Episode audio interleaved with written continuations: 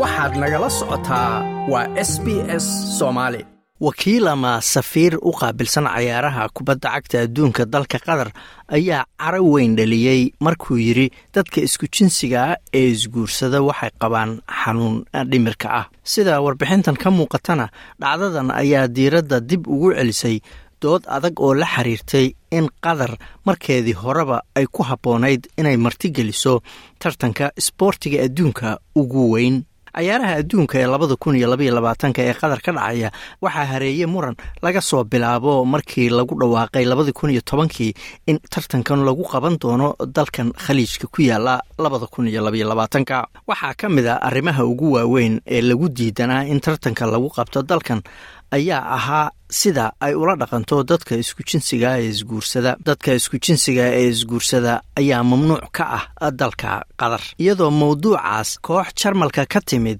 ay filim documentary ka samaynayeen ayay ku waraysteen wakiilka cayaaraha adduunka ee qatar horena u ahaa cayaartooy u cayaara dalkaasi kubadda cagta khaalid salmaan master salmaan ayaa qiray in isku tegidda ama habdhaqanka dadka isku jinsiga ee isguursada ay yihiin arrimo ka soo horjeeda diinta islaamka. Sida uu yiri sida uu u yiri hadalkan ayaase kicisay mawjadda murankan ugu dambeeyey.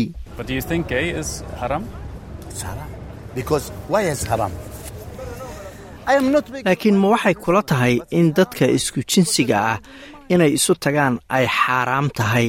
Sababtuna maxay tahay? Ayaa la weydiiyey khaalid. Anigu wadaad weyn ma ahi laakiin waa xaaraan ayuu ku jawaabay sababta haddaad i weydiisana sababtu waa inay madaxa ka dhaawacan yihiin dadkani ayuu ku jawaabay. Sarkaal goobta taagnaa ayaa markiiba waraysiga joojiyey.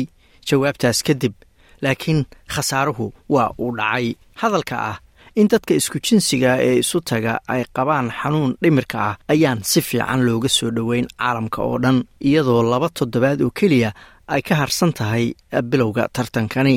Jawaab celinta carada wadata ayaa deg deg ahayd urur la yidhaahdo all out oo matala dadka isku jinsiga ee isguursada ayaa dibadbax ka sameeyey albaabka hore ee madxafka fiifa ee magaalada syurikh madaxa ururkan matt bird ayaa sheegay in hadalka master salmaan uu yahay dhacdo kale oo ka mid ah qaladaad badan oo arrintan ku saabsan oo ay galeen dowladda qatar iyo fiifaba The Qatari foreign minister said that anybody who criticizes the LGBT plus human rights toddobaad ka hor uun wasiirka arrimaha dibadda qatar ayaa sheegay in cid kasta oo waddanka qatar ku dhaliisha xuquuqda dadka isku jinsiga ee isguursada ay yihiin dad kibirsan oo isla weyn. Madaxweynaha fiifa laftiisuna infantino ayaa maalin uun ka hor warqad uu u qoray kooxaha tartanka ka qaybgalaya waxa uu ku yidhi ma aha inaad fikrado ka horumarisaan kubadda cagta. Laakiin waxaan u sheegaynaa inaynaan fikrad oo keliya ahayn.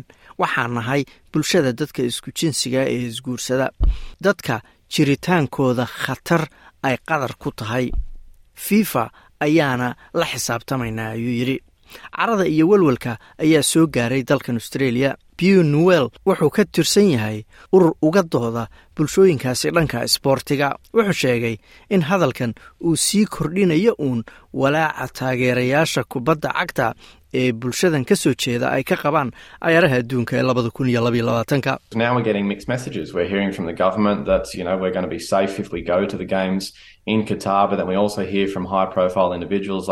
Fariimo iskhilaafsan ayaan hadda maqlaynaa waxaan dowladda ka maqlaynaa inaan ammaan helayno haddii aan cayaaraha u tagno qatar. Laakiin waxaan sidoo kale maqlaynaa shakhsiyaad xilal sarahaya sida wakiilka oo leh dadka isku jinsiga ee isguursada. Madaxa ayay wax ka qabaan. Waa wax la fahmi kara marka in dadka isku jinsiga ay taxadar dheeraada muujiyaan marka ay ka fakarayaan inay cayaaraha aadaan iyo in kale.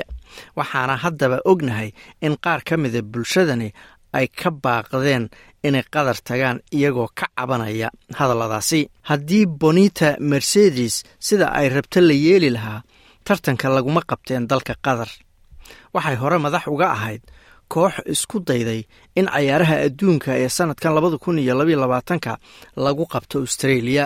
Ugu dambayntiise codsigaas ayaa hal cod oo keliya helay.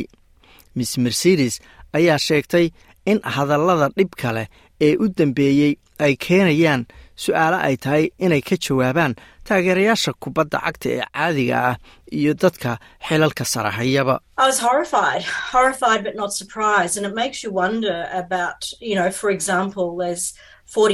aad baan uga argagaxay argagax ayay igu noqotay laakiin lama yaabin. Waxay igu dhalisay inaan isweydiiyo tusaale ahaan waxaa jira afartan iyo sagaal taageerayaasha kubadda cagta ee oo qatar ay ka bixisay inay tagaan cayaaraha adduunka ee labada kun iyo labylabaatanka sidee ayay dadkaasi maanta dareemayaan? Sidee ayuu dadka ay ka mid yihiin tim kayle oo laftiisu wakiil ama safiir u ah cayaaraha adduunka uu dareemayaa ama ka aaminsan yahay arrintan? Seb blatter wuxuu ahaa madaxweynaha fiifa markii qatar la siiyey inay marti geliso cayaaraha adduunka. Wuxuu hadda ku doodayaa inuu markaasba shaki ka qabay awoodda qatar ay u leedahay inay marti geliso cayaaraha adduunka. Shakigaasna hadda loo cudurdaari karo oo uu ku saxsanaa.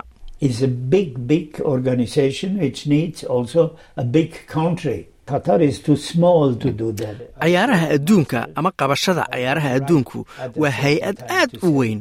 Marka waxay u baahan tahay dal aad u weyn.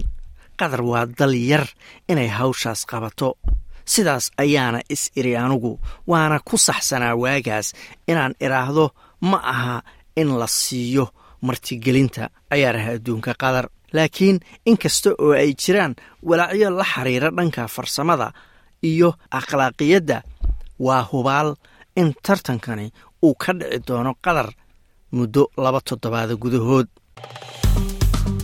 Like aas la wadaag wax ka dheh lana soco barta facebooka ee s soomaali